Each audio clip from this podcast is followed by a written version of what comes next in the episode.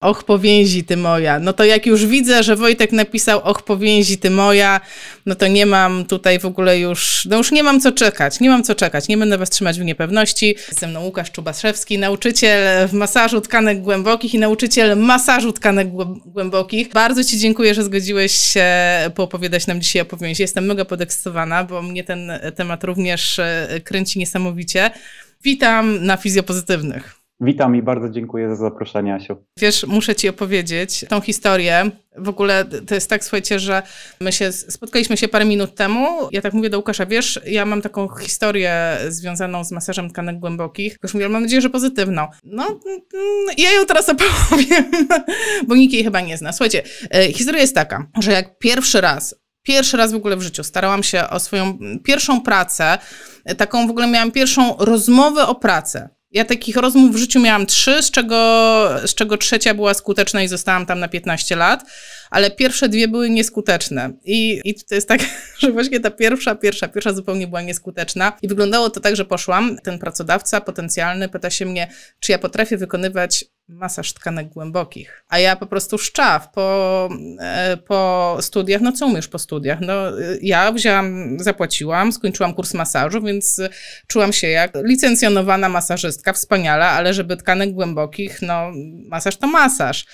I mówię, nie, umiem robić zwykły masaż. I on mnie nie przyjął. I to jest ta negatywna strona historii. Ale pozytywna jest taka, że ja miałam dużo, dużo lepszą pracę finalnie i no, dużo lepszą ścieżkę kariery zawodowej niż miałabym u niego.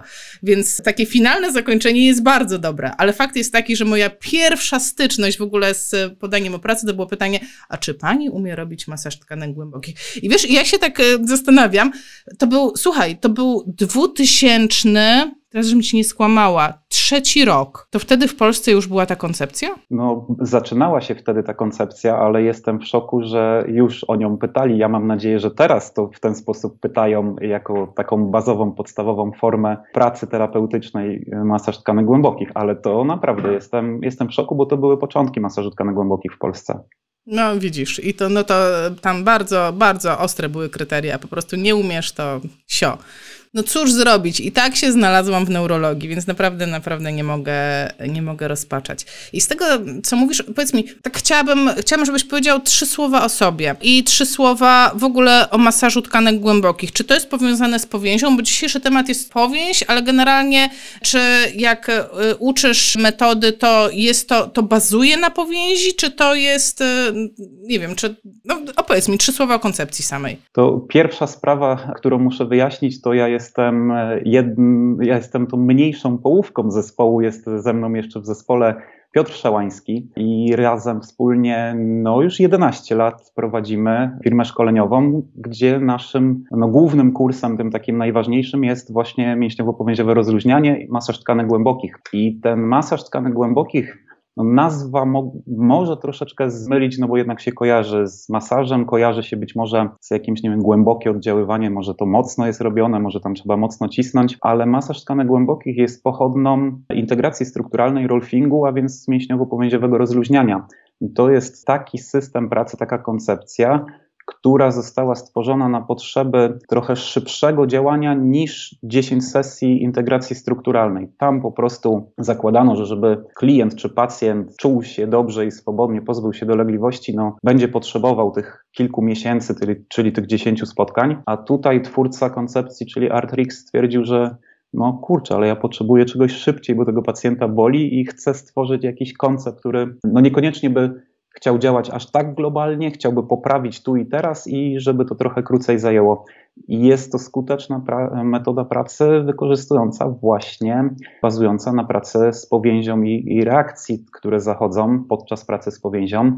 A jeszcze, czy, czy, czy na tym bazujemy? Piotr zaczyna ośmiodniowy kurs od czterogodzinnego wykładu o fizjologii powięzi i my musimy to zrobić, musimy o tym opowiedzieć. My mamy dzisiaj ile? Godzinkę. Godzinę. Będę musiał mocno to skompresować, ale Piotras właśnie wprowadza nasze grupy w ten świat powięzi, tak żeby każdy rozumiał, co w ogóle, jak fizjologicznie mogę zadziałać, przykładając swoje ręce do, e, do ciała pacjenta, do skóry, co ja właściwie będę mógł tam wprowadzić i zmienić w tej tkance. Wiesz co, e, bo teraz, no ja sporo czytam w internecie, interesuję się tym, co się dzieje i czytam doniesienia naukowe, co prawda więcej czytam z neurologii niż e, z innych dziedzin, no ale jednak coś tam do mnie dociera. I mam wrażenie, że są takie dwa fronty. Jedni upatrują, o, powieść jest taka super ważna i w ogóle powieść to wszystko, a drudzy no, padają w, jakby w przeciwieństwo, e, co tam powieść, wiadomo, zawsze była, zawsze będzie, to, że tam nazwaliśmy jakieś rzeczy, to nie zmienia faktu, że one tam zawsze były. Powiedz mi, jak ty uważasz, jakby tak realistycznie, na ile ta powieść jest dla mnie ważna w terapii? Na ile, na ile ja rzeczywiście, nawet będąc takim terapeutą jak ja, gdzie ja siedzę w tej neurologii i no zdecydowanie mniej mam tej pracy takiej strukturalnej, chociaż jej też bywa sporo z pacjentami przewlekłymi. E, jakby gdzie jest ten środek? Gdzie ta prawda? No to jest fajne pytanie, bo pierwsza sprawa to no, Asia od 10, może 15 lat świat nauki o powięzi i doniesień naukowych o tym, co w powięzi w ogóle jest, jak z nią pracować i, i jak, jakie ona spełnia funkcje. To w ostatnich dosłownie nastu latach ilość tych materiałów wzrosła, ja bym powiedział, w ogromnej skali. My, my dopiero teraz zaczynamy tak naprawdę się dowiadywać myślę, że już powoli prawdy o tym, co tam w środku w tej powięzi jest, jak działają jej receptory, jakie komórki tam są, co ona robi, do czego służy. Ja jak byłem na studiach swoich, też to było bardzo dawno temu i nawet jeszcze odszukałem specjalnie dzisiaj rano swój, swój podręcznik do anatomii. Pamiętam, że o tej powięzi mało było, ale słuchaj, w tym podręczniku były trzy strony, trzy kartki opowieści. To, to dzisiaj ten, to, ta ilość tego materiału urosła do takiej naprawdę olbrzymiej rangi. A czy jest ona ważna w gabinecie? No, prowadzę pewne statystyki w moich gabinetach, w których pracuję, współpracuję też z innymi fizjoterapeutami, z osteopatami. Wspólnie prowadzimy dokumentację medyczną, umiemy wyciągnąć sobie statystyki. Na koniec roku to robimy. I no tak, 80% tych przypadków klinicznych, które przynajmniej trafiają w nasze ręce, tych pacjentów, ma dysfunkcję w układzie, w układzie powięziowym, więc jest to zdecydowana większość wszystkich przypadków klinicznych. Wszystkie pozostałe, czyli powiedziałbym, że w okolicach tych 20%, to przypadki, w których faktycznie mamy inne komponenty, coś się dzieje z układem nerwowym, z powierzchniami stawowymi, albo czysto z mięśniami, albo czysto z koordynacją, zaburzeniem ruchu, chociaż to pewnie się okaże za 10-15 minut, że też jest związane z powięzią i też coraz więcej o tym zaczynamy się dowiadywać. E, tak, powiem, że e, przynajmniej w moim gabinecie dla mnie powięź ma ogromne znaczenie i e, czy jestem takim obsesyjnie zaznajomionym z powięzią? Nie, chociaż też mam dla ciebie taką historię śmieszną, jak dużo analogii, dużo takich obrazów w, świecie takim i ożywionym, i nieożywionym na zewnątrz e, często spotykam, które metaforycznie można tłumaczyć nimi e, powięź, jej anatomię, jej funkcję. No i e, parę tygodni temu jedliśmy takie rodzinne śniadanko, to był jakiś weekend. Miałem swoją pyszną kanapeczkę przygotowaną i tak się w nią zapatrzyłem, bo chleb wyrósł w ten sposób, że przypominał mi takie przedziały śródmięsnej, w których są upakowane wrzeciona mięśniowe.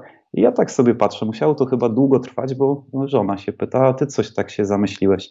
I wiesz, teraz w mojej głowie powstał taki moralny dylemat, czy ja mam powiedzieć prawdę, że, że przypomina mi to śródmięsną i, i tłumaczyć jej to, czy po prostu powiedzieć, e, że nie, jakoś dziwnie smakuje chleb. I powiedziałem e, prawdę, jak to przykładny mąż. I cała moja rodzinka, cała trójka naraz zrobiła e, coś takiego. Także no, czasami odpłynę, ale nie mogę powiedzieć, że jestem jakimś fanatykiem powięzi. Zakładam i dociera to do mnie, że dysfunkcje mogą e, pochodzić też z innych systemów i jest to dla mnie jak najbardziej oczywista sprawa, ale przyznaję, że większość dysfunkcji znajdujemy w układzie powięziowym. Wow. E, wiesz, ciśnie mi się na e, usta takie pytanie, no bo skoro większość dysfunkcji z Twojego doświadczenia wynika, że jest w układzie powięziowym, z drugiej strony, no taki jest zarzut, z taką, z taką rzeczą się spotkałam, że no kurde, no przecież ta powieść no to jest wszystko. Teraz e, akurat poruszyłeś śródmięsną, wrzecionka nerwowo-mięśniowe. E, ja od razu mam swoje oczywiście zboczenia i od razu pomyślałam, no tak, przecież to jest super ważne. Pacjent neurologiczny, wygórowany odruch na rozciąganie. E, I już wiesz, już mi się zaczyna kręcić w głowie, ale moja dziedzina. E, I z drugiej strony zaczynam się zastanawiać, jeżeli wszędzie mamy, mm, wszędzie gdzieś doszukujemy się problemu z powięzią, no to e, jakby mm, inaczej. Skoro w każdej części mojego ciała mogę znaleźć tkankę łączną i zdefiniować ją jako powięź, no to wychodzi na to, że całe moje ciało to powięź, no to nic dziwnego, że wszystko, co się wydarzy, będzie się łączyło z powięzią. E, czyli moje pytanie jest, no dobra, no to gdzie ta powięź się zaczyna, a gdzie się kończy? Czy nie wiem, e, czy, e, czy powięź to są tylko te duże, duże płaszczyzny, które gdzieś tam mogę znaleźć w atrasie, e, czy do powięzi zalecam te, zaliczam też właśnie wszystkie te pochewki, te torebki, w których y, mówiąc kolokwialnie, siedzą, narząda, naczynia, no wszystko, tak? No bo jak się skupisz, no to po prostu ta powięź jest wszędzie, tak? Czy, czy, nie wiem, tkanka łączna to też powięź? Ścięgna to też powięź? No to, to może zróbmy tak. Mm, jest taka grupa naukowców, e, The Fascia Research Society. E, oni są odpowiedzialni za szerzenie informacji, za badanie powięzi, za naukowe szukanie, udowadnianie tego, co z tą powięzią się dzieje i odkrywanie prawdy o tej powięzi. Ta, to stowarzyszenie e, do tej pory zrobiło pięć takich konferencji międzynarodowych, ogromnych, dużych, e, z właściwie no, specjalistami takimi topowymi z całego świata. I oni w 2016 ustalili taką nową definicję tego, czym powięź jest. I faktycznie jest to tylko część tkanki łącznej, E, czyli powieść jest tkanką łączną, ale e, ta definicja jest dosyć mocno rozbudowana. Ja ją po swojemu powiem, bo ja przyznam się, że ja jej słowo w słowo nawet nie pamiętam i nawet nie staram się zapamiętać, bo to jest skomplikowane, żeby to tak powiedzieć. Więc czym, czym jest dla mnie powieść? Jest to ciągła, nierozerwalna, niefragmentowalna sieć zbudowana głównie z kolagenu. Ona jest trójwymiarowa. E, w ta sieć przenika przez całe ciało, zahacza o wszystkie systemy, komunikuje te systemy ze sobą, integruje informacje z tych systemów, informuje odpowiedzi e, na informacje.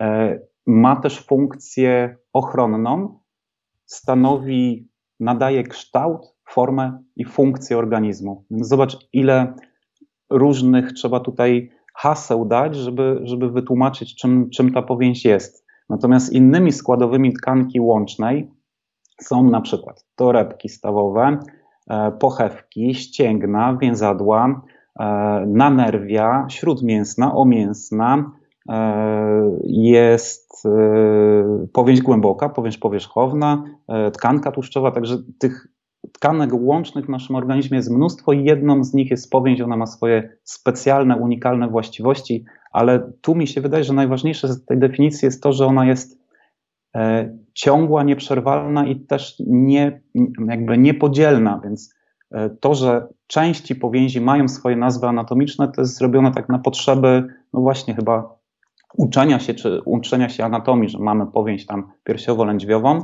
ale ona się nigdzie nie zaczyna i tak naprawdę nigdzie nie kończy, ona jest kontynuacją innej powięzi, czyli te nazwy no jakby są takie trochę sztucznie e, utworzone.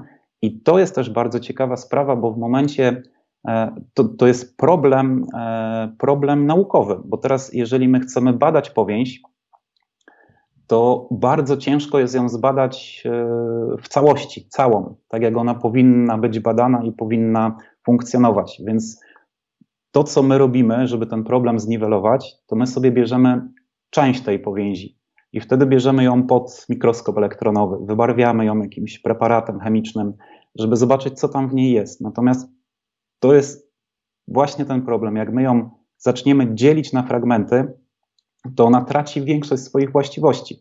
I teraz zobacz, jak się ma nauka, evidence-based medicine. Powięź jest taka, jest w niej tyle kolagenu, tyle wody, tyle receptorów są takie, są takie, tyle, że oni zbadali, został zbadany fragment wyjętej z całości czegoś, co nie powinno być nigdy podzielone na części. E, I to się moim zdaniem no nijak ma do tego, co w gabinecie ja mam pod, pod ręką. Dotykam pleców, kolana czy, czy barku, który boli e, mojego pacjenta. No to jest ogromny problem w tym, że bardzo ciężko ją badać w całości, tak jak ona faktycznie jest i wtedy spełnia swoje funkcje. Co? E, to, że... Jak ci mogę wejść w słowo troszkę, dlatego że Tomek zadał bardzo fajne pytanie, które pasuje dokładnie do tego, co powiedziałeś w tej chwili. Jestem absolwentem kursu pana doktora, bardzo na plus. Za to mam pytanie, co oznacza większość dysfunkcji, bo teraz też powiedziałeś e, kolano, tam e, mówimy o bólowych pacjentach, czy też o innych rodzajach dysfunkcji. I rzeczywiście to jest ciekawe, bo ja ci mówię, mi się, mi się kręci też ta neurologia i ja upatruję bardzo duży udział powięzi dysfunkcji funkcji pacjentów e, neurologicznych. Doprecyzuj Twoich pacjentów. To ja bym chciał do tej neurologii gdzieś e, w trakcie dalszej części e, tego live'a wrócimy i sobie chwilkę może o niej porozmawiamy, bo jeden z moich gabinetów w Warszawie jest dedykowany pacjentom neurologicznym i tam pracujemy z dzieciakami, które no w większości to są dzieci z mózgowym porażeniem dziecięcym i też wykorzystuję koncepcję pracy powięziowo-mięśniowej ale odpowiadając na pytanie Tomka, e, te, te dysfunkcje, o których my mówimy, to tak, to jest ból albo utrata zakresu ruchu, albo jakiś dyskomfort, który pacjent odczuwa. E, nie mogę tutaj mówić e, o chorobach albo o urazach, w których jednak troszeczkę inaczej trzeba myśleć niż, niż tylko o powięzi, ale z kolei dysfunkcje powięzi mogą prowadzić Tomek do do urazu. I to też chciałbym wytłumaczyć e, pewnie dokładniej, niż byś sobie tego życzył. Okej, okay, ja tutaj muszę trzymać czasu. Będziemy pływać, ale nie możemy za daleko odpływać, bo przed 12 nie skończymy. Ja już po prostu czuję to. E, I mam takie pytanie od siebie. Kiedy opowiadałeś o właściwościach powięzi, powiedziałeś o komunikacji. Powiedz mi, co masz na myśli. Bo mm, część z tych haseł była taka logiczna, ale ta komunikacja mnie zastanawiała, kurczę, jak komunikacja, ale że co, że co się komunikuje z czym? Wytłumacz mi. E, niedawno dosyć, bo to jest rok 2013 e, albo 2012, e, odkryto w powięzi istnienie takich komórek, które się nazywają telocyty.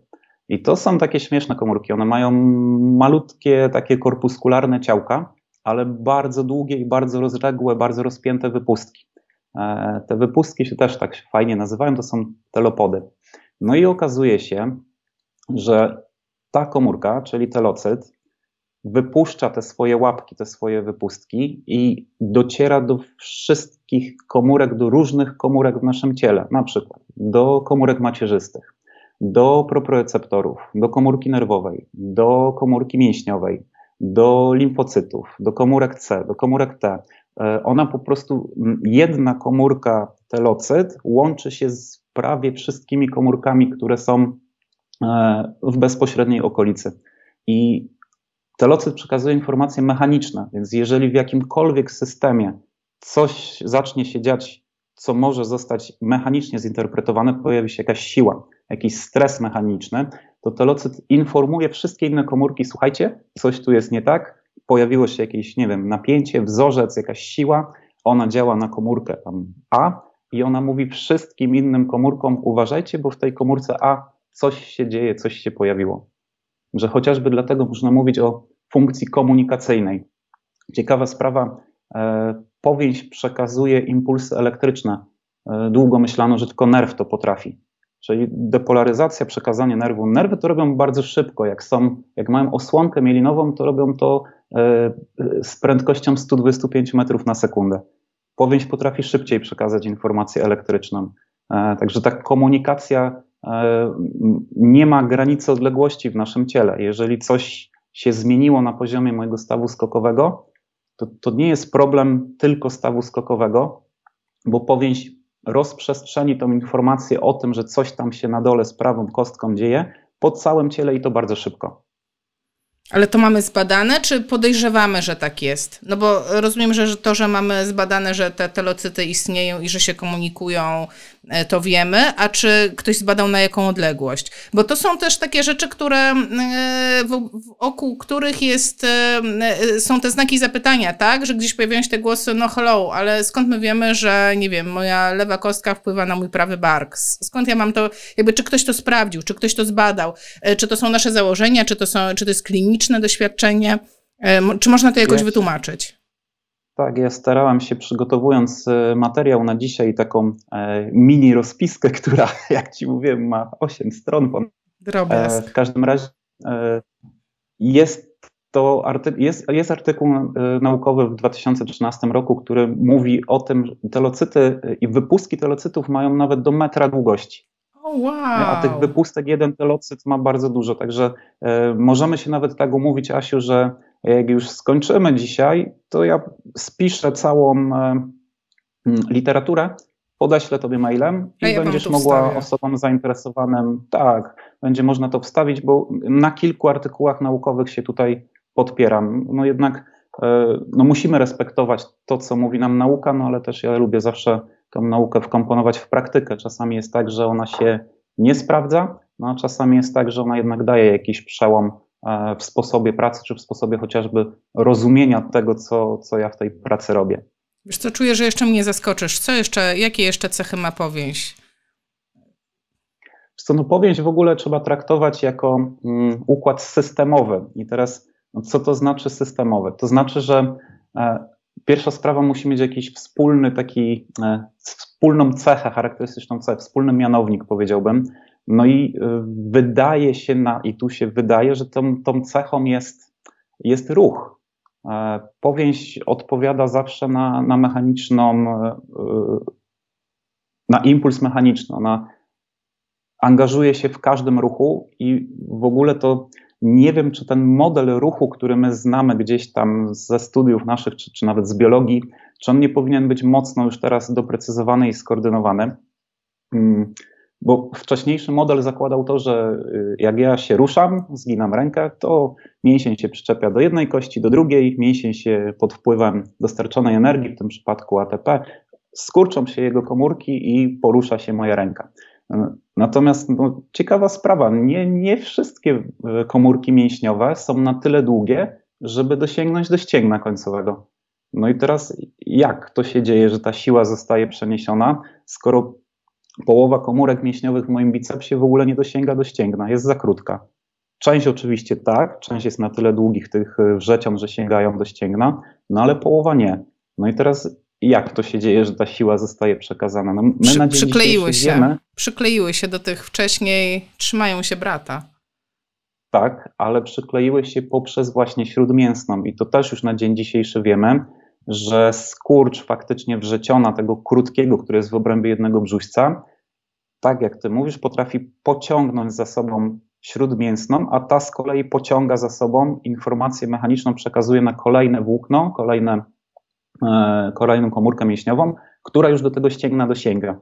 I teraz w tym modelu ruchu, zobacz, wcześniej była kość, mięsień, kość, a na dzień dzisiejszy uważam, że powinna być e, kość, okostna tej kości, coś, co przykrywa ścięgno, czyli powięź ścięgna, później wrzeciona mięśniowe, później śródmięsna, później E, znowu powieść, która przykrywa drugie ścięgno, okostna i dopiero kość. Więc no, moim zdaniem te modele ruchu powinny być znacznie mocniej już teraz doprecyzowane. E, chyba, że e, takie uproszczenie no, jest, jeszcze, jest jeszcze gdzieś tam nam potrzebne. Wiesz, ja spotkałam się z, z, Przepraszam, że tak weszłam, ale tak, spotkałam tak. się z takim uproszczeniem, E, to Beverly Cusick, um, twórczyni teratoksów dla dzieci. No ty pracujesz z dziećmi z MPD, tak? No to wiesz, czym są teratoksy. E, I ona, ona definiuje mięsień i ona to zaznacza na swoim szkoleniu. Mówi, jak mówię mięsień, to pamiętajcie, że mówię o wszystkim, co się dzieje, o powięzi, o naczyniach, o wszystkim, że nie można tego rozgraniczać. Ja powiem ci też tak na to patrzę, bo ja to znowu lubię upraszczać. Wiesz, jak jest za skomplikowanie, to ja się gubię. Dla mnie to jest za dużo. To ja już nie wiem, to jak ja położyłam tą rękę na tym, na tym człowieku, to znaczy, że, że, że co ja konkretnie dotykam. Więc ja tak muszę mieć w głowie, wiesz, jakieś takie wyobrażenie, że to jednak jest jakaś, jakaś, jakaś całość, tak? No. Dawaj mi więcej. Chcę więcej takich e, smaczków. To wiesz co, to może zróbmy takie doświadczenie mentalne. Nasi słuchacze będą musieli sobie wyobrazić. Nie wiem, ilu nas jest, strzelam, że. Ja ci mogę powiedzieć. 200? 324 osoby. Wow, 302. No to dobra, to zróbmy, że jest nas 5. W takim kole na jakimś placu na zewnątrz. Każdy z nas dostaje piłkę do kosza i każdy z nas piłkę przekazuje w jedną stronę, na przykład w prawo, do kolegi. I teraz, jeżeli całe 350 osób i 350 piłek zacznie przekazywać sobie tą piłkę w tym samym czasie, z taką samą prędkością, e, w jednym kierunku, to będzie wszystko skoordynowane. To po prostu piłki zaczną krążyć, nie spadają. My ze sobą nie jesteśmy połączeni bezpośrednio, nie dotykamy się, ale tworzymy jakby taką sieć, która wspólnie wie, co robić. No i teraz e, problem, zobacz, jeżeli ktoś się potknie i pomyli i na przykład nie złapie piłki, a te piłki nadal będą przechodziły, no to y, dzieje się tam jakaś lawina zdarzeń. I ja bym właśnie tą systemowość powięzi, jeżeli ona działa i funkcjonuje, jest w całości, to ona działa i jest to melodia. A jeżeli jeden element zaczyna zawodzić, no to tak naprawdę całe ciało zaczyna odczuwać konsekwencje tego, że gdzieś coś się zmieniło i nie funkcjonuje prawidłowo. Wiesz co? I teraz fajnie powiedziałaś no. to. Bo, no, bo ja mam taką no. myśl, e, no bo jak gdzieś tam głęboko interesuję się tymi koncepcjami, mm, tą całą koncepcją biopsychospołeczną, że, czyli tak w dużym skrócie, że może cię boleć szyja od tego, że się pokłóciłeś z szefem w pracy, tak? E, I e, do tej pory, wiesz, ja to tak rozważałam na, bardziej na zasadzie układu immunologicznego, tak? Że układ immunologiczny jednak ma wpływ na pozostałe układy i że ten ból może być wygenerowany, ale że to mózg go generuje. A może wiesz, tak, słucham cię, bym cię od początku myślę kurczę, jak to pasuje do bólu, e, ale jakby tak dodatkowo, że że to może być też jedno z wytłumaczeń, dlaczego boli mnie, a strukturalnie nie ma co mnie boleć. Nie wiem, powiedz mi, czy płynę no. w dobrym kierunku, czy może zupełnie odpłynęłam i dryfuję gdzieś po morzu? W bardzo dobrym kierunku, Asia, bo y, Powięź, na, na dzień dzisiejszy wiemy też, że powięź odpowiada za e, propriorecepcję, e, interorecepcję, nocycepcję, czyli, czyli informacje o bólu e, i e, mówi się o czymś takim jak percepcja, która jest schowana z powięzi. W zeszłym roku na Polish Fascia Sympozjum, na, na evencie, który ja z Piotrem organizuję, mm, w ogóle to niedługo będzie kolejna edycja. E, w każdym razie w zeszłym roku wykład miała Ruth Duncan, to jest specjalistka właśnie od e, bólu. Ona tłumaczy fizjologię powstawania bólu i e, odpowiada na pytania, które prawie każdy pacjent w gabinecie zadaje: Pani, dlaczego mnie plecy bolą? Ona roz, rozkłada to na czynniki, właśnie pierwsze na fizjologię, na anatomię. Ale był też wykład takiego naszego przyjaciela, on jest integratorem strukturalnym, w zeszłym roku był jeszcze prezydentem Federacji Afrykańskiej Integracji Strukturalnej i on miał właśnie wykład o percepcji, która jest w powięzi.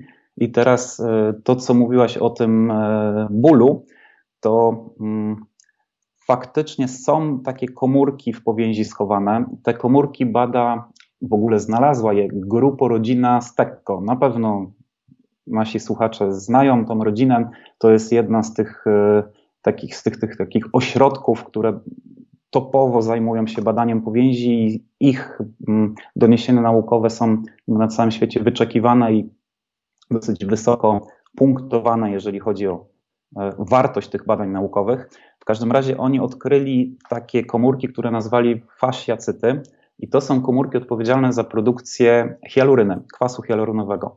E, I ten kwas jest potrzebny w powięzi po to, żeby powięź się E, płynnie ślizgała.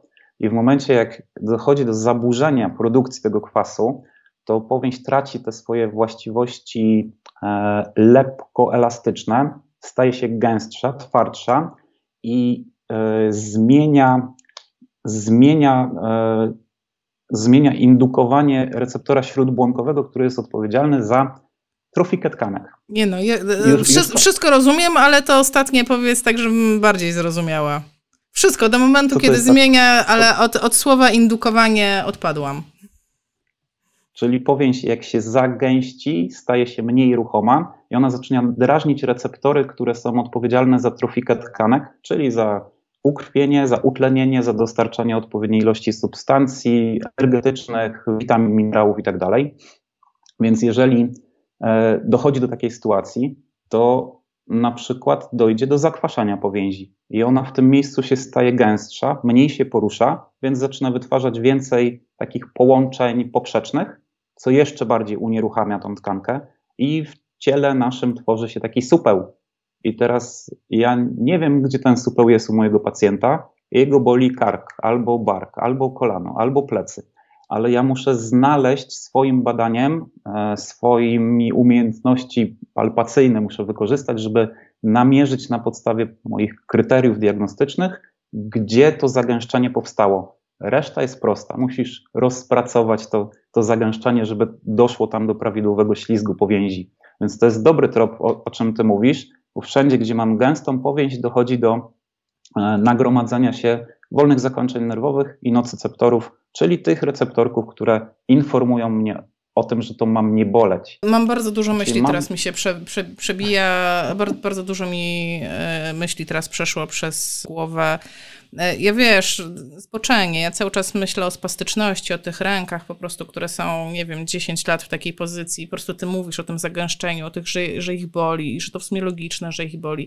I tak myślę, no tak, no tak, no przecież to jest wszystko logiczne, to wszystko się składa w całość. No ale to patrz Asia, w neurologii w takim razie też jest takie fajne badanie, to było w 2003 roku, dotyczyło e, teno, tenotomii e, i dotyczyło właśnie ręki, tak jak pokazałaś.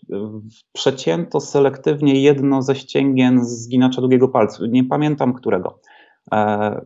Z powodu spastyczności chcieli zobaczyć, co tam się będzie działo. No i w tym okienku obserwowali, że jak ruszają tą ręką, to to przecięte ścięgno, ono nadal się poruszało w środku, pomimo, że było przecięte. No i teraz, no jak się ma poruszać, skoro je przecięli?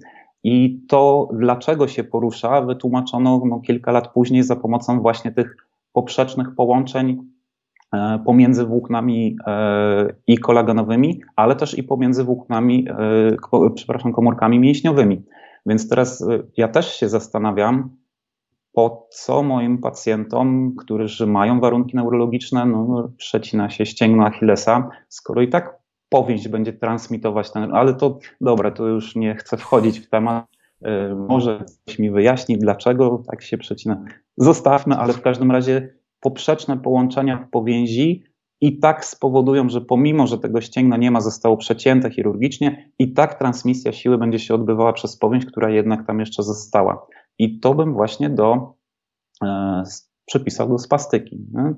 Zastanawiający temat, e, ciekawy temat. Zdecydowanie on jeszcze nie jest tak dobrze zbadany. Wiesz, jest lepiej zbadany na dzieciach z MPD, a na przykład na pacjentach udarowych nie jest tak dobrze zbadany, więc ja e, jak mówię o spastyczności, w wielu przypadkach właśnie podpieram się tymi badaniami na dzieciach z MPD, gdzie no, w dużej mierze potwierdza się to, co mówisz, ale z drugiej strony też są badania, które mówią, E, że te wszystkie e, tam, nie wiem jak to się nazywa, e, rizotomia, tak, te, te, te wszystkie cięcia, że one są dosyć skuteczne klinicznie, tylko że jak nie będziesz pracować, jakby nie utrzymasz tego zakresu ruchu, to to wraca, ale to jakby temat na zupełnie inny live. A ja mam inne pytanie. Jak, jak, jak się tworzą te połączenia, o których powiedziałeś, to powiedz mi, czy to są te słynne restrykcje? Czy to jest to? Czy to są te restrykcje? Bo po prostu o e, e, restrykcje mają chyba tylu zwolenników, co przeciwników i ludzi, którzy robią sobie jaja z restrykcji. Czy to są restrykcje? No, wiesz, jak to się nazywa, to tam możemy się e, kłócić, śmiać i, i przekomarzać, bo jeden powie restrykcja, drugi zagęszczenie, trzeci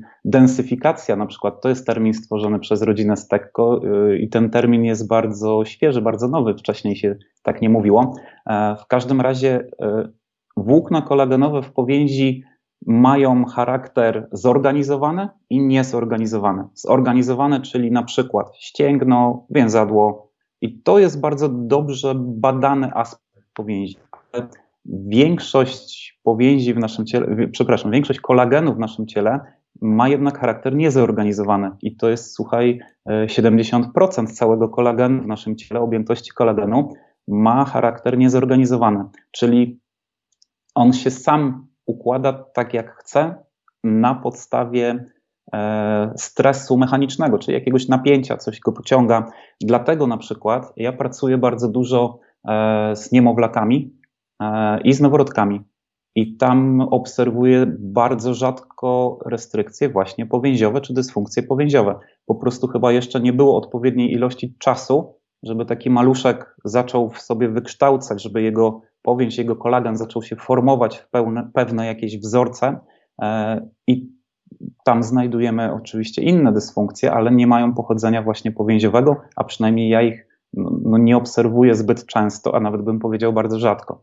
Czyli ta, ta powięź jest na tyle mądra, mądralińska i sama sobie, że mm, ty, ty nigdy nie wiesz, jak te włókna się zorganizują. One będą jakieś tam tendencje prezentowały. Jeżeli ja w pracy, nie wiem, przez 10 lat stoję nachylony, to powięź organizuje się w linii naprężenia. E, ale jednocześnie, jak ja wykonuję ruch moim ramieniem, to powięź naokoło mojej łopatki za każdym razem, pomimo że wykonam 100 takich samych ruchów, ona za każdym razem się inaczej napręży, inaczej napnie, inaczej przesunie i ty nie wiesz, jak ona to zrobi. Jest nieprzewidywalna ta bestia. Grubo. Dlatego ale z dziećmi to mnie zaskoczyłeś. Wiesz, z e, dzieciaczkami mnie zaskoczyłeś, bo właśnie tak jak sobie myślę, a tu asymetrię, tyle, tyle dzieci ma asymetrię, jakieś kręcze, to właśnie to byłoby pierwsza rzecz, którą bym wrzuciła. Oho, może powięź, tak? No bo tak jak mówimy, powięź teraz jest chodliwa i wszędzie doszukujemy się tej powięzi. Ale tutaj, no tutaj, no właśnie, to było takie zaskakujące dla mnie. No tu, tu ja bym ocenił raczej, że to są w innych wymiarach tkanek są te e, dolegliwości tych maluszków. E, swoją drogą, no dosyć dużo rzeczy, ja też jestem osteopatą, no, osteopatia ma swój taki dział, który się zajmuje pediatrią i no, te dzieciaczki się bardzo fajnie i szybko normują, stabilizują. Ważniejsze jest to, żeby wychwycić, kiedy faktycznie coś jest nie tak i coś się nie zgadza z prawidłowym rozwojem, tak żeby no, jak najszybciej móc zareagować i e, wiesz, no, przesłać do, do specjalisty, który akurat w tym obszarze będzie mógł e, z takim dzieckiem dalej pracować. Wiesz co, tutaj Kamil zadał bardzo fajne pytanie. E, a w jakim stopniu w takim razie jesteśmy w stanie przystymulować te cudne nowe komóreczki do produkcji tego kwasu hialuronowego i jak długo efekt naszej stymulacji się utrzymuje na przykład po jednej sesji? I to jest bardzo dobre pytanie bo ja też mam takie doświadczenia swoje po prostu z terapii, tak, że gdzieś tam e, poćwiczę z tym pacjentem, coś tam z nim porobię, coś tu go naciągnę, tu go, nie wiem, nacisnę, wiesz, no każdy z nas tak naprawdę pracuje tak jak czuje, tak jak umie, wszyscy robimy to jak najlepiej. I widzę ten efekt, że on się poprawia, czyli zwiększył mu się zakres ruchu, zmniejszyła się bolesność, tak, no jakieś tam ustalmy sobie, że to są wyznaczniki.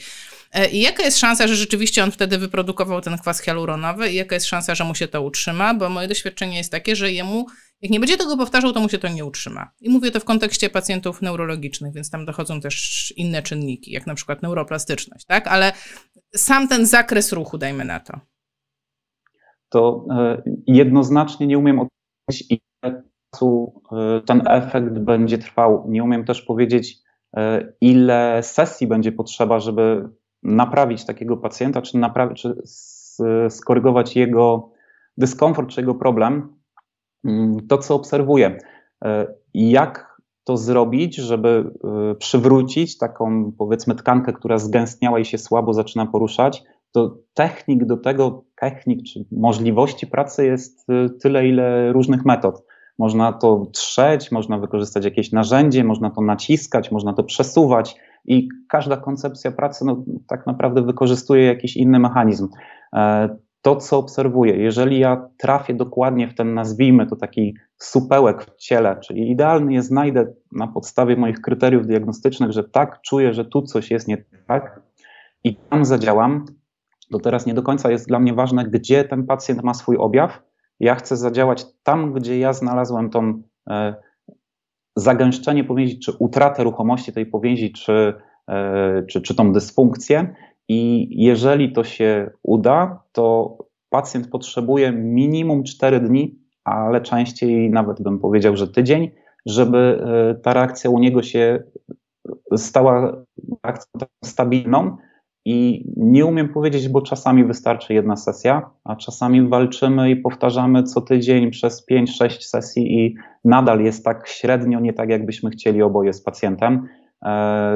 Ale tak, no jeżeli trafię dobrze, to z reguły jest to dosyć skuteczne. Inna sprawa, moi pacjenci, twoi pacjenci, nasi pacjenci robią różne rzeczy. Jedni mają hobby, inni pracę, inni, nie wiem, nawyki i to jest tylko kwestia czasu, zanim to, co oni robią, to jak oporuje ich organizm środowisko zewnętrzne, e, no znowu wytworzy jakieś zagęszczenia tej, tej tkanki, znowu spowoduje zmianę jakichś wzorców, zmianę funkcji i ten pacjent później wróci albo z tym samym, albo z czym innym. To jest bardzo fajne pytanie, ale nie mogę jednoznacznie na to, na to pytanie odpowiedzieć, że potrzeba na przykład trzech sesji i wtedy będzie stabilnie. To ja to pociągnę. Wszystko, to ja pociągnę to pytanie, wiesz, e, bo powiedziałeś, że możemy w różne sposoby działać. Akurat e, no, mam takie szczęście, mam instruktora masażu tkanek głębokich, no to powiedz mi, no to jaka jest, jakie jest wasze podejście, tak? No bo e, jakby czym się różni to od zwykłego masażu? Albo no nie wiem, no po prostu co się kryje, co, o co chodzi, o co ho? My chcemy w masażu tkanek głębokich na podstawie prostych kryteriów, czyli oceniamy mm, teksturę tkanki, czyli e, jedna może być bardziej twarda, gęsta, druga może być luźniejsza, miękka, niektóra może być nawet jakaś taka dziwnie płynna, inna może być jak kamień. W każdym razie tekstura, mamy różne tekstury. Drugie, co oceniamy, to kierunek. Albo w prawo, albo w lewo. W prawo pójdzie ci sztywniej, gorzej, w lewo pójdzie ci łatwiej. E, możemy ocenić opór końcowy Tutaj się twardo zatrzymuje tkanka, a tutaj jest elastyczny taki opór końcowy. Możemy działać na głębokości odpowiedniej. Mogę dojść do takiej bariery tkanek, gdzie już głębiej nie mogę nacisnąć. Znaczy, mogę, ale pacjent mnie przestaje lubić, bo, bo go zaczyna boleć. Albo mogę pracować w połowie tego zakresu, czy w jakiejś części tego zakresu, gdzie nie czuję, że doszedłem do takiego oporu. I wykorzystując te kryteria, jesteśmy w stanie dostarczyć ten nasz zabieg korygujący, którym jest tak naprawdę E, przesuwanie tkanki. Czyli ja chcę w miejscu, które uznam za słuszne, za najbardziej słuszne, chcę spowodować zwiększenie ślizgu tkanki i wykorzystujemy do tego techniki, dzięki którym możemy tą tkankę przesuwać. Trzeba to zrobić w odpowiednim miejscu, na odpowiedniej głębokości, z odpowiednią szybkością, żeby podrażnić odpowiednie receptory w powięzi, żeby te receptory dały e, odpowiednią informację zwrotną, czyli polepszyły trofikę tkanek. Łukasz, ja wiem, że mi nie powiesz w przeciągu 10 minut, ale skąd wy to wiecie, gdzie? Nie wiem, już jakiś protokół, masz, nie wiem. E, no w naszej koncepcji to idziemy od stóp do głów, albo w naszej koncepcji szczególnie cenimy wpływ czepca ścięgnistego na, nie wiem, pozycję stóp. E, macie jakby, no ja rozumiem, że nie da się, nie wiem, kursu, który trwa 8 dni włożyć w 10 minut, ale, ale tak ogólnie. E, na kursie przedstawiamy, no nazwijmy to protokół diagnostyczny, który odpowiada na magiczne pytanie każdego terapeuty, gdzie to jest, gdzie ja mam tam wsadzić te palce i nacisnąć.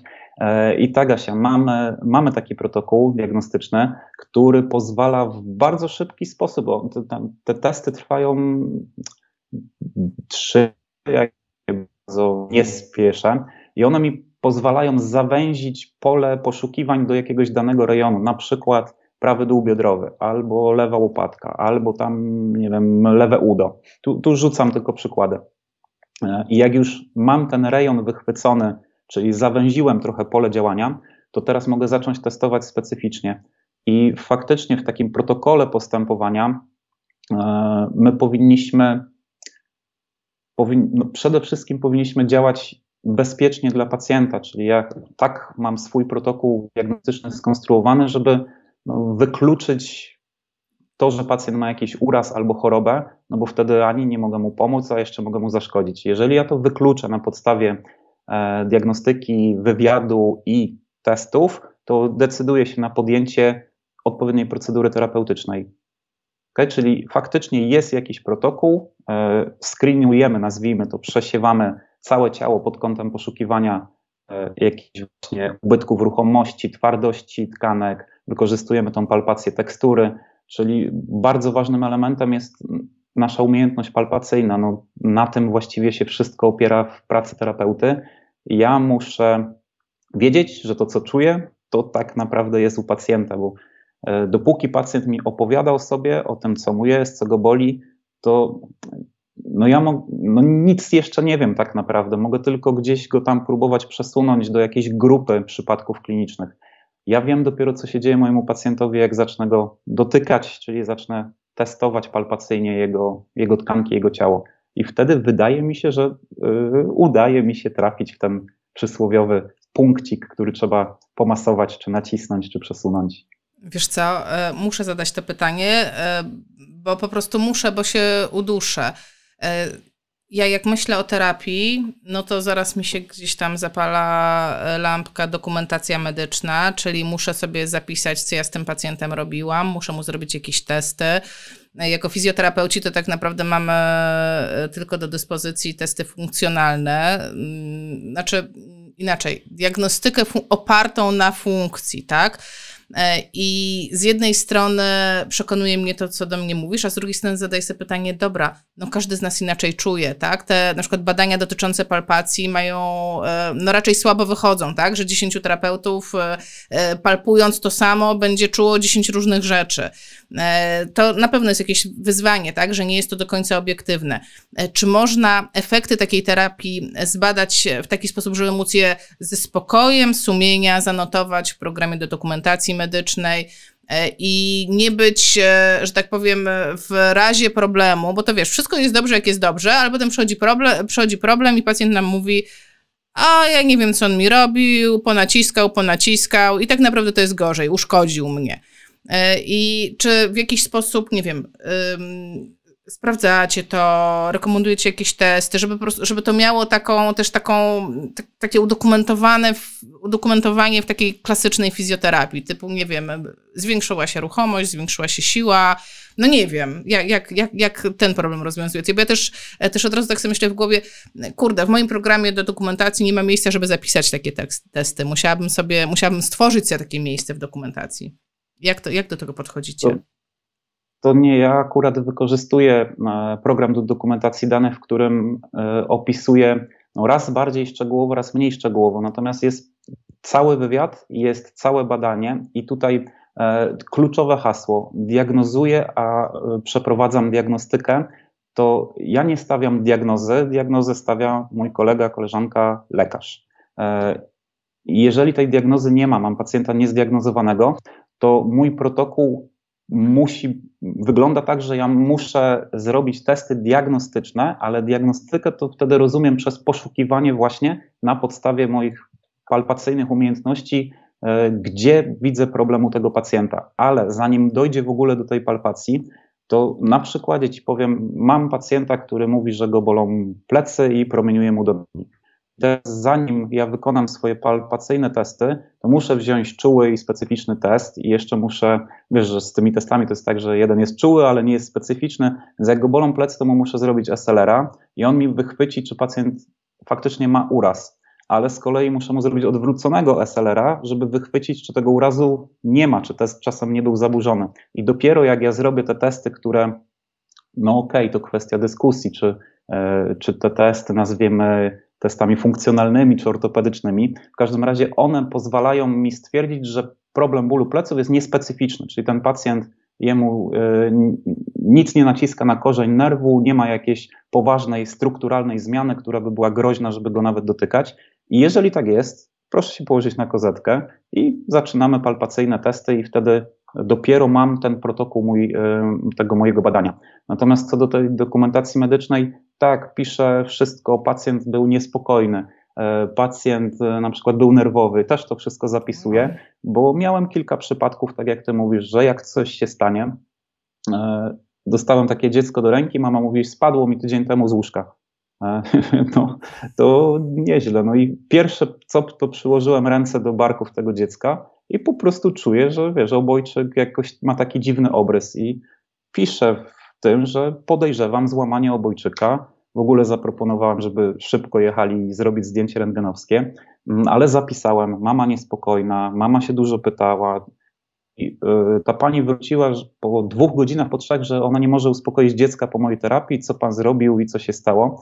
No i wiesz, ja wtedy daję dokumentację medyczną i tam jest napisane, że podczas sesji wydaje mi się, że zdiagnozowałem, że jest brak kryterium obrysu obojczyka lewego, mama niespokojna, dziecko płaczące cały czas, dziecko w wywiadzie spadło tydzień temu i gdybym ja tego papieru nie miał, to tak naprawdę mogłaby powiedzieć, że ja na terapii e, złamałem temu dzieciakowi rękę, nie? czy tam obojczyk. E, I na to chcę uczulić wszystkich terapeutów, którzy no jeszcze tego, nie wiem, albo może nie przykładają do tego wagi, to jest nasze bezpieczeństwo i nasz święty spokój. Piście to wszystko, niech to będzie zgodne z regułami, które, e, które są utworzone nie dla jaj, tylko po to, żeby to właśnie e, tak. było udokumentowane, unormowane. Także tak. tu się w pełni zgadzam i prowadzimy taką dokumentację. Nawet teraz w ciągu 48 godzin trzeba raportować do tego programu, w którym pacjent może sobie podejrzeć, co on tam miał robione. Tak. Tak, tak, tak. Ja też jestem, ja też bardzo dużo piszę E, ale wiem, że nie wszyscy lubią, to cieszę się, że cieszę się, że jesteś po tej samej stronie barykady. Piszmy, piszmy, piszmy. A skoro zeszliśmy na takie tematy już e, bardziej, powiedziałabym, teoretyczne, e, jak ty w ogóle widzisz całą kwestię powięzi swojej pracy w świetle, no teraz trzeba wszystko robić zgodnie z evidence-based medicine, z evidence-based practice. Mm, gdzie widzisz swoją koncepcję w tym, w tym kontekście? No to jeżeli bym tu się miał określić, to chyba bliżej mi do e, evidence-based practice. Ja to, co usłyszę na konferencji naukowej, staram się wprowadzić e, w warunki gabinetowe i sprawdzam, czy tak jak to udowodnili na papierze, czy tak jak zbadali, to ja faktycznie mam jakiekolwiek przełożenie na praktykę, czy to coś mi daje. Jeżeli tak, to super, bardzo się cieszę, mogę to wykorzystać, ale z drugiej strony, jeżeli informacja w teorii no nie daje mi nic w praktyce, to jest to dla mnie tak naprawdę tylko e, gdzieś tam przy rozmowie jakiś dodatkowy argument, ale obserwuję, nie biorę udziału aktywnego, ale obserwuję to, co się dzieje e, w internecie i dla mnie to troszeczkę gdzieś tam schodzi nie, nie w tą stronę, co trzeba, e, bo jak zaczęło się evidence-based medicine versus evidence-based practice, to była wymiana poglądów, to była jakaś konwersacja, jakaś rozmowa, ludzie sobie przedstawiali racje i próbowali wymieniać te poglądy. Jak ostatnio to zacząłem gdzieś tam śledzić, obserwować to, to już jest jakby przekonywanie z takim już no, dosyć dosadny sposób, że to my mamy rację, a nie wy.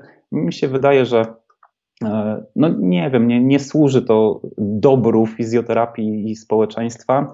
E, I ciężko, wiesz, przekonać jednych czy drugich, bo e, sam mam takie przypadki, gdzie pacjent według e, badań jest ciężko chory, nie powinien chodzić, ma tu jakieś przemieszczenia, ma niestabilny kręgosłup, jest jakiś kręgozmyk, tu jest skompresor, to wszystko widać na rezonansie, a on mi przychodzi, wskakuje mi na kozetkę, ja tam mu plecy pomasuję i on mówi, że no już przestało promieniować. E, no i wiesz, no gdzie tu teraz, jak, jak to teraz do, wytłumaczyć, gdzie tu jest to, że badania mówią, że on no nie powinien być w takim stanie, a on jednak całkiem się dobrze czuje. E, ja uważam, że te dyskusje powinny zejść na, na inny tor. Na przykład mogliby podyskutować o właśnie takim protokole postępowania i spróbować utworzyć E, formalny protokół podobający się obydwu grupom, który by zakładał, że to i to powinienem w wywiadzie, że to i to powinienem przetestować, zdiagnozować, tak i tak powinienem badać, taką i taką powinienem terapię dobierać. I to by było fajne, gdyby te dwie grupy zaczęły wiesz, wspólnie w jednym celu.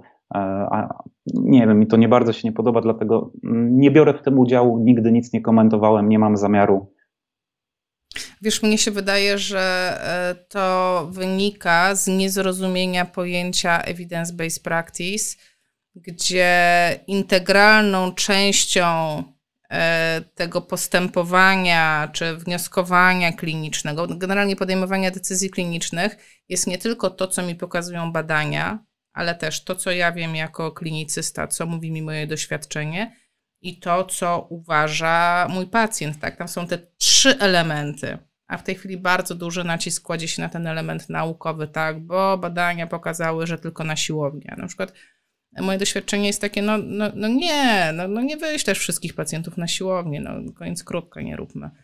Nie róbmy tego. E, wiesz, e, jest taka sprawa, uwaga, jest taka sprawa, rozmawiamy już 57 minut, Wiem, że mieliśmy powiedzieć jeszcze więcej, ale jest kilka ciekawych pytań. Czy mogę Ci przeczytać e, pytania? O, to jest fajne. E, Adam pyta, patrzcie jaki numer. E, jak się mają supełki powięzi, o których Pan wspominał, do trigger pointsów? Czy to jest to samo? E, jeśli nie, to czy możemy je jakoś rozróżnić? To Panie Adamie, bardzo fajne pytanie, dziękuję. To nie jest to samo. Trigger points są z założenia w tkance mięśniowej, czyli są dosyć głęboko schowane Natomiast tutaj jest mowa o zagęszczeniu powięzi, która ten mięsień przykrywa. Czyli na podstawie teraz e, chociażby takiego parametru, o którym wspominałem, tej tekstury tkanek, ja jestem w stanie określić za pomocą przyłożenia ręki, czy ja czuję, że ten, nazwijmy to supełek, jest e, płytko w tkance pod skórą, e, czy on jest głęboko i wtedy śmiem twierdzić, że jest raczej w mięśniu. No i teraz w zależności, które wydaje mi się, że to jest albo którego jestem pewien, e, mam dwie techniki. Jedna będzie na mięśniu, druga będzie na powięzi. Te techniki są, e, techniki korekcji będą zupełnie inne, więc jest tu wybór świadomy techniki, która ma prawo być bardziej skuteczna w danym przypadku klinicznym. To patrz, to tutaj po prostu Martyna jakby czytała ci w myślach bo pyta, a jak za pomocą dotyku jesteśmy w stanie stwierdzić, na jakiej głębokości pracujemy, uwzględniając e, to własne czucie? No to, to właśnie ja się odnoszę i przynajmniej tak też tego uczę na, na swoich zajęciach. E, odnoszę to właśnie do takiego odczucia różnych tekstur. E, takie fajne doświadczenie, właściwie to Piotrowi zawsze to doświadczenie przypada i nasi studenci dobrze je pamiętają. E, a z moich zajęć mniej pamiętają później. E, mamy takie doświadczenie z pojemnikiem ze skrobią e, kukurydzianą. Trzeba do niej dolać tam troszeczkę wody i ona imituje, czy jakby pokazuje, w jaki sposób my się poruszamy w tej powięzi. I teraz dolanie wody do skrobi powoduje, że ona się staje tak zwaną cieczą nienewtonowską, czyli jak ja w nią mocno naciskam, to ona mnie nie chce w ogóle wpuścić do środka, dziwnie się zachowuje jak nie ciecz, raczej jak ciało stałe, a z kolei jak ja palce położę i pozwolę, żeby ta ręka spokojnie ciężarem swojego ciała padła do środka, to to bez problemu się dzieje. I co ciekawe, e, w tym pojemniku w końcu ręka przestanie wpadać, bo dotknie do dna. I to też jest fajne ćwiczenie, e, jakby głębokość, czucia, od, odczucia głębokości, na której mam pracować, bo my właśnie w masażu głębokim przechodzimy jakby tą skrobię. Ja zawsze mówię, wkładasz rękę do pojemnika ze skrobią, przechodzisz przez skrobię, czujesz dno pojemnika ze skrobią. I na tej głębokości mam dopiero zacząć przesuwać tkankę, czyli na tej głębokości dopiero dostarczam mojego, e, mojego narzędzia czy mojej techniki. Wow. Więc tu bym, tu bym powiedział, że e, no, jest to kwestia pewnie złapania stu pleców, stu łydek i odczuwania, czy ta łydka jest twarda, czy jest luźna, czy ma jakiś punkt, który jest utwardzony, a reszta tej łydki jest luźna, czy ona się przesuwa tak samo w jedną i w drugą. To, to wszystko ma swój parametr, który my możemy określić. E, bardzo lubię ten eksperyment z cieczą newtonowską. Jeszcze wiesz co, on dla, mnie, e, on dla mnie też pozwala tak w łatwy sposób e, zwizualizować, co to oznacza, kiedy ta powięź ma duże uwodnienie i generalnie wtedy się bardziej przelewa niż kiedy jest prawie, że sucha, jest taką kulką jak, nie wiem, jak na kluchę, jak na makaron, nie? Że taka zbita i wtedy w ogóle nic nie możesz zrobić. E, I zawsze mówię, ja też posługuję się tym, kiedy właśnie tłumaczę tą część spastyczności. Dla mnie część spastyczności wcale nie jest spastycznością, jest tylko właśnie takim problemem już strukturalnym. I, e, i właśnie to jest to, że ona potrzebuje wody, ale to nie takiej wody, że trzeba się napić i że już będzie dobrze, tylko trzeba jednak coś tam porobić, nie? żeby ta, ta woda tam doszła. Patrz, tu jest bardzo ciekawe e, pytanie od Michała. E, jakie ma Pan zdanie na temat powięzi do emocji? Słyszałem, że powięź też zapisuje sporo emocji w ciele. E, dziękuję bardzo, Michał, za to pytanie. Nie jestem specjalistą od psychosomatyki i od szeroko pojętych emocji i raczej się staram nie pracować z takimi pacjentami. Mówiąc prościej, jak rozpoznam, że czynnik, który powoduje, że pacjent y, czuje dyskomfort, leży poza ciałem, to po pierwszej wizycie jakby od, odsyłam pacjenta na leczenie do specjalisty, z którymi się znamy, którzy wiem, że się zajmują tego rodzaju problemami. Pewnie sam mam coś z głową, dlatego nie chcę za bardzo w emocjonalne problemy innych osób wchodzić. E, w każdym razie szeroko pojęta percepcja, którą poprzez powieść możemy, możemy odbierać, też zaczyna być tłumaczona w taki naukowy sposób. I chociażby e, takie informacje jak poczucie swojego ciała, e, jak e, nasza emocjonalność, jak umiejętność wyrażania swojego ciała, e, umiejętność odpowiedzenia na reakcję, na przykład mowę ciała, to zaczyna być tłumaczone też reakcjami i zaburzeniami tkanki łącznej powięziowej. Są komórki, są receptory, to są receptory delta i receptory C. Ich wypustki trafiają do odpowiednich partii w naszym mózgu e, i właśnie one będą warunkowały, czy tłumaczy się to w ten sposób, że warunkują odpowiedzi emocjonalne, więc może za chwilę się okaże, że problemy psychosomatyczne też będzie można zacząć rozwiązywać za pomocą pracy z powięzią, albo może źle powiedziałem, że może się okaże, e, pewnie już tak jest, ale jeszcze po prostu ja o tym nie wiem, a nie wiem dlatego, że niespecjalnie ten temat mnie interesuje. Nie kręcicie. Ostatnie nie, pytanie. Nie. Ostatnie, ale poprosimy Łukasza, żeby jeszcze przejrzał czat, może się zgodzi. E, pytanie od Renaty. A co z zażywaniem witaminy C, ryboflawonoidami? Witamina C też zmiękcza i robi gibką i elastyczną i wytrzymałą powięź. Co z kolagenem rybim?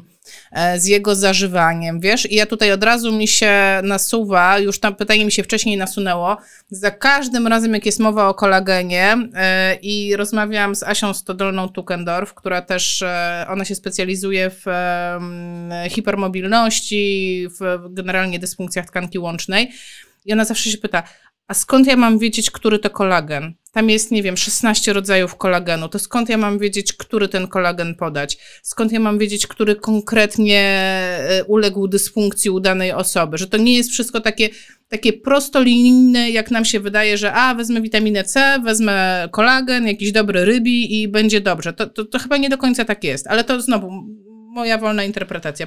Popraw mnie, jeśli gadam bzdury. E, to znaczy tak, poprawiać Ciebie nie będę, a też bym chciał zaznaczyć, że odpowiem na to pytanie, ale nie mam na nie pokrycia e, w artykule naukowym i to są moje obserwacje i moje przemyślenia. E, pierwsza sprawa, wydaje mi się, że to, co ja wprowadzę doustnie do mojego organizmu, ma długą drogę, zanim zostanie gdzieś zdeponowane w jakiejś konkretnej okolicy, na przykład w takiej, w której doszło do ubytku, nie wiem, chrząstki czy, czy jakiś włókien kolagenowy gdzieś tam prześcięgnie, czy przywiązadle w nodze na przykład. To musi przejść przez układ pokarmowy. Układ pokarmowy musi to rozdrobnić. To musi zostać wchłonięte do organizmu.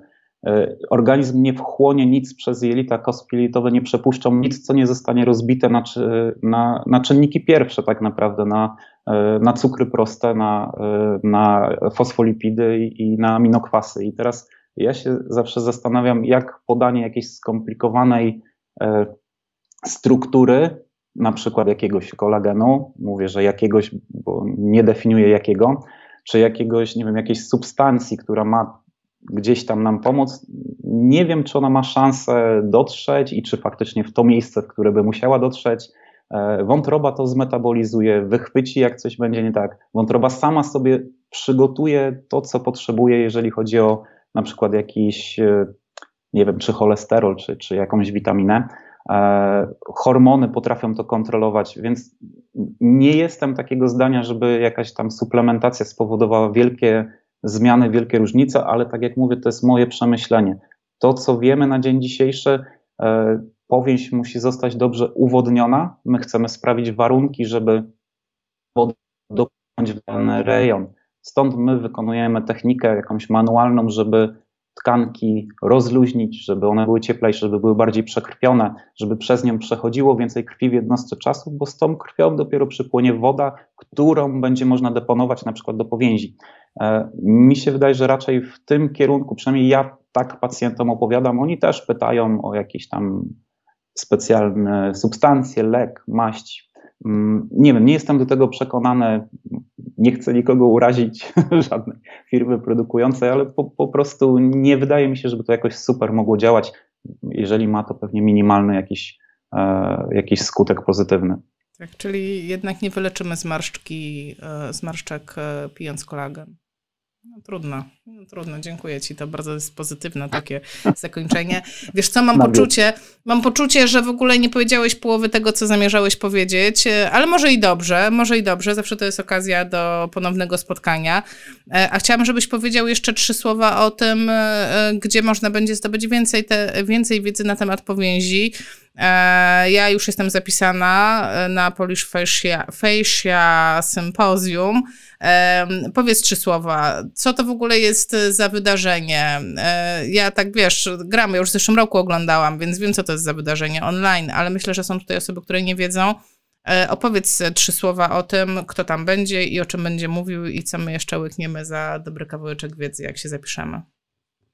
Akurat się tak sympatycznie zgrało, że jak w zeszłym roku przyszedł taki wirus śmieszny na świat, E, to my się szykowaliśmy do obchodzenia dziesiątych urodzin działania naszej firmy i tak z Piotrem sobie rozmawialiśmy, że no kurczę, chcielibyśmy coś fajnego zrobić, ale chcieliśmy konferencję zrobić, chcieliśmy zaprosić wykładowców i spotkać się na wielkiej sali gdzieś, wiesz, w jakimś fajnym miejscu.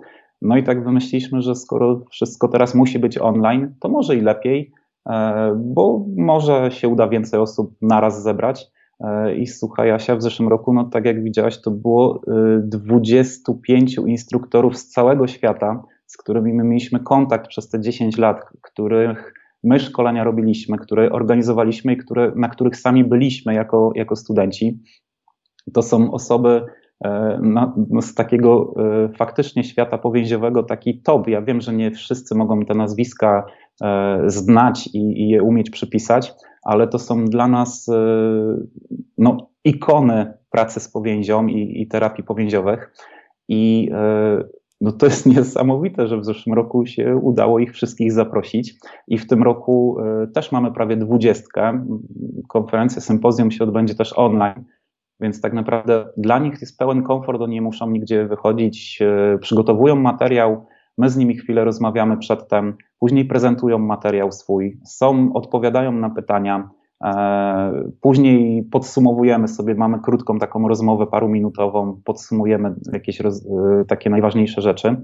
E, no a z tych, co będą, no będzie Jill Hedley, który zajmuje się badaniem powięzi na preparatach sekcyjnych. I on to robi na takich bardzo dobrze traktowanych, bez chemii aparatach świeżych, preparatach, przepraszam, na których no wszystko nagle widać inaczej niż w atlasie anatomicznym. E, I Jill Hedley się zadeklarował, że no prawie cały dzień z nami będzie, także pierwszy dzień jest e, z Jillem Hedleyem.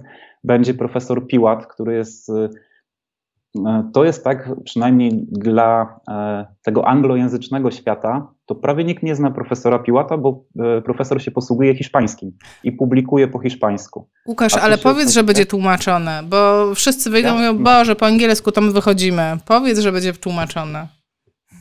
My siedzimy z Piotrasem teraz do pierwszej, drugiej nad ranem i każda prezentacja w jakimkolwiek języku będzie, będzie miała napisy i będzie przetłumaczona i my dbamy o to, żeby to było przetłumaczone dobrze i precyzyjnie. Profesor Piłat jest Polakiem, ale 40 lat temu wyjechał e, do Wenezueli, mówi po hiszpańsku i e, on w zeszłym roku chyba pierwszą w życiu przeprowadził sesję po polsku. I my to tłumaczyliśmy na angielski, bo mieliśmy też widzów spoza Polski, więc e, było śmiesznie, bo Polak na polskiej konferencji mówił po polsku, ale był tłumaczony na angielski dla angielskojęzycznych uczestników. Także naprawdę się szykują no jak to z Piotrem mówimy, niezłe petardy. I no to będzie wszystko nowe, co przez ten rok tak naprawdę się stało w świecie powięziowym. A wiesz, jak nie można było dużo jeździć po konferencjach i po kursach, to wszyscy siedzieli przed laptopem i, i doprecyzowali, pisali swoje książki, kończyli swoje podręczniki. E, także był czas, który sprzyjał, myślę, że powstaniu parę nowych koncepcji i teorii. No i to będą trzy dni od rana do późnego popołudnia. E, w wersji online. My to wszystko wiesz, nagrywamy. Jak ktoś musi gdzieś wyjść w sobotę o, nie wiem, 18, to nic nie straci, bo będzie mógł sobie wrócić do tego. E, wszystkich bardzo zapraszam i e, no, my będziemy tam na bieżąco z Piotrem, będziemy wszystko pewnie załatwiać i z każdą chwilę będziemy chcieli porozmawiać. Tak, tutaj widziałam, że Bartosz wrzucił nawet linka, e, a jak wpiszecie takie hasło fizjopozytywna, patrz, teraz jest niezły numer, jesteś ty na ekranie i podpisane fizjopozytywna. To taki, takie, e, takie rzeczy się nie zdarzają, ale na to hasło macie 10% zniżki, także nie płaćcie pełnej ceny. E, jeśli mogę doradzić. Super. Patrz, też się, też się wrzucę, żeby nie było i siebie, pod, siebie podpiszę. Także słuchajcie, ja byłam w zeszłym roku, podobało mi się bardzo, znaczy super, że to jest dostępne dłużej, bo dla mnie na przykład ten materiał nie był do przegryzienia na jeden dzień. Absolutnie nie. To po prostu, to wymagało większej ilości czasu, także e, ogólnie zachęcam. E, no i cóż możemy powiedzieć jeszcze? Ja najbardziej sobie ostrzę ząbki właśnie na ten, na ten pierwszy dzień, na kadawara, tak? Bo tam kobieta będzie rozkładał na kawałki, nie? No, on ma parę fajnych preparatów no. i też e, jak opowiadał, co będzie, no to nie chciał powiedzieć dokładnie, ale zapowiada się bardzo ciekawie. Także zapraszamy Was. E, Łukasz, ja Tobie bardzo dziękuję. To była fantastyczna godzina i prawie 14 minut. Popłynęliśmy. E, no tak to właśnie jest e, z powięzią chyba. Wam bardzo dziękuję za to, że byliście z nami. Dziękuję za mnóstwo, e, mnóstwo pytań. Na połowę z nich nie, połowy z nich nie odczytałam po prostu, bo nie było czasu, więc mam nadzieję, Łukasz, że znajdziesz chwilę, żeby chociaż tam zaj, zajrzeć na czat i, i nie wiem, chociażby serducho rzucić ludziom. Bardzo dziękuję jeszcze raz. Życzę Ci spokojnego wieczoru. Wam życzę też spokojnego wieczoru i spokojnej pracy do końca tygodnia. No i niech powięź będzie z nami wszystkimi. Ja też, Asia, dziękuję Ci za zaproszenie i robisz świetną robotę. Trzymaj się, kontynuuj i do zobaczenia przy następnej okazji. Cześć. Cześć, na razie.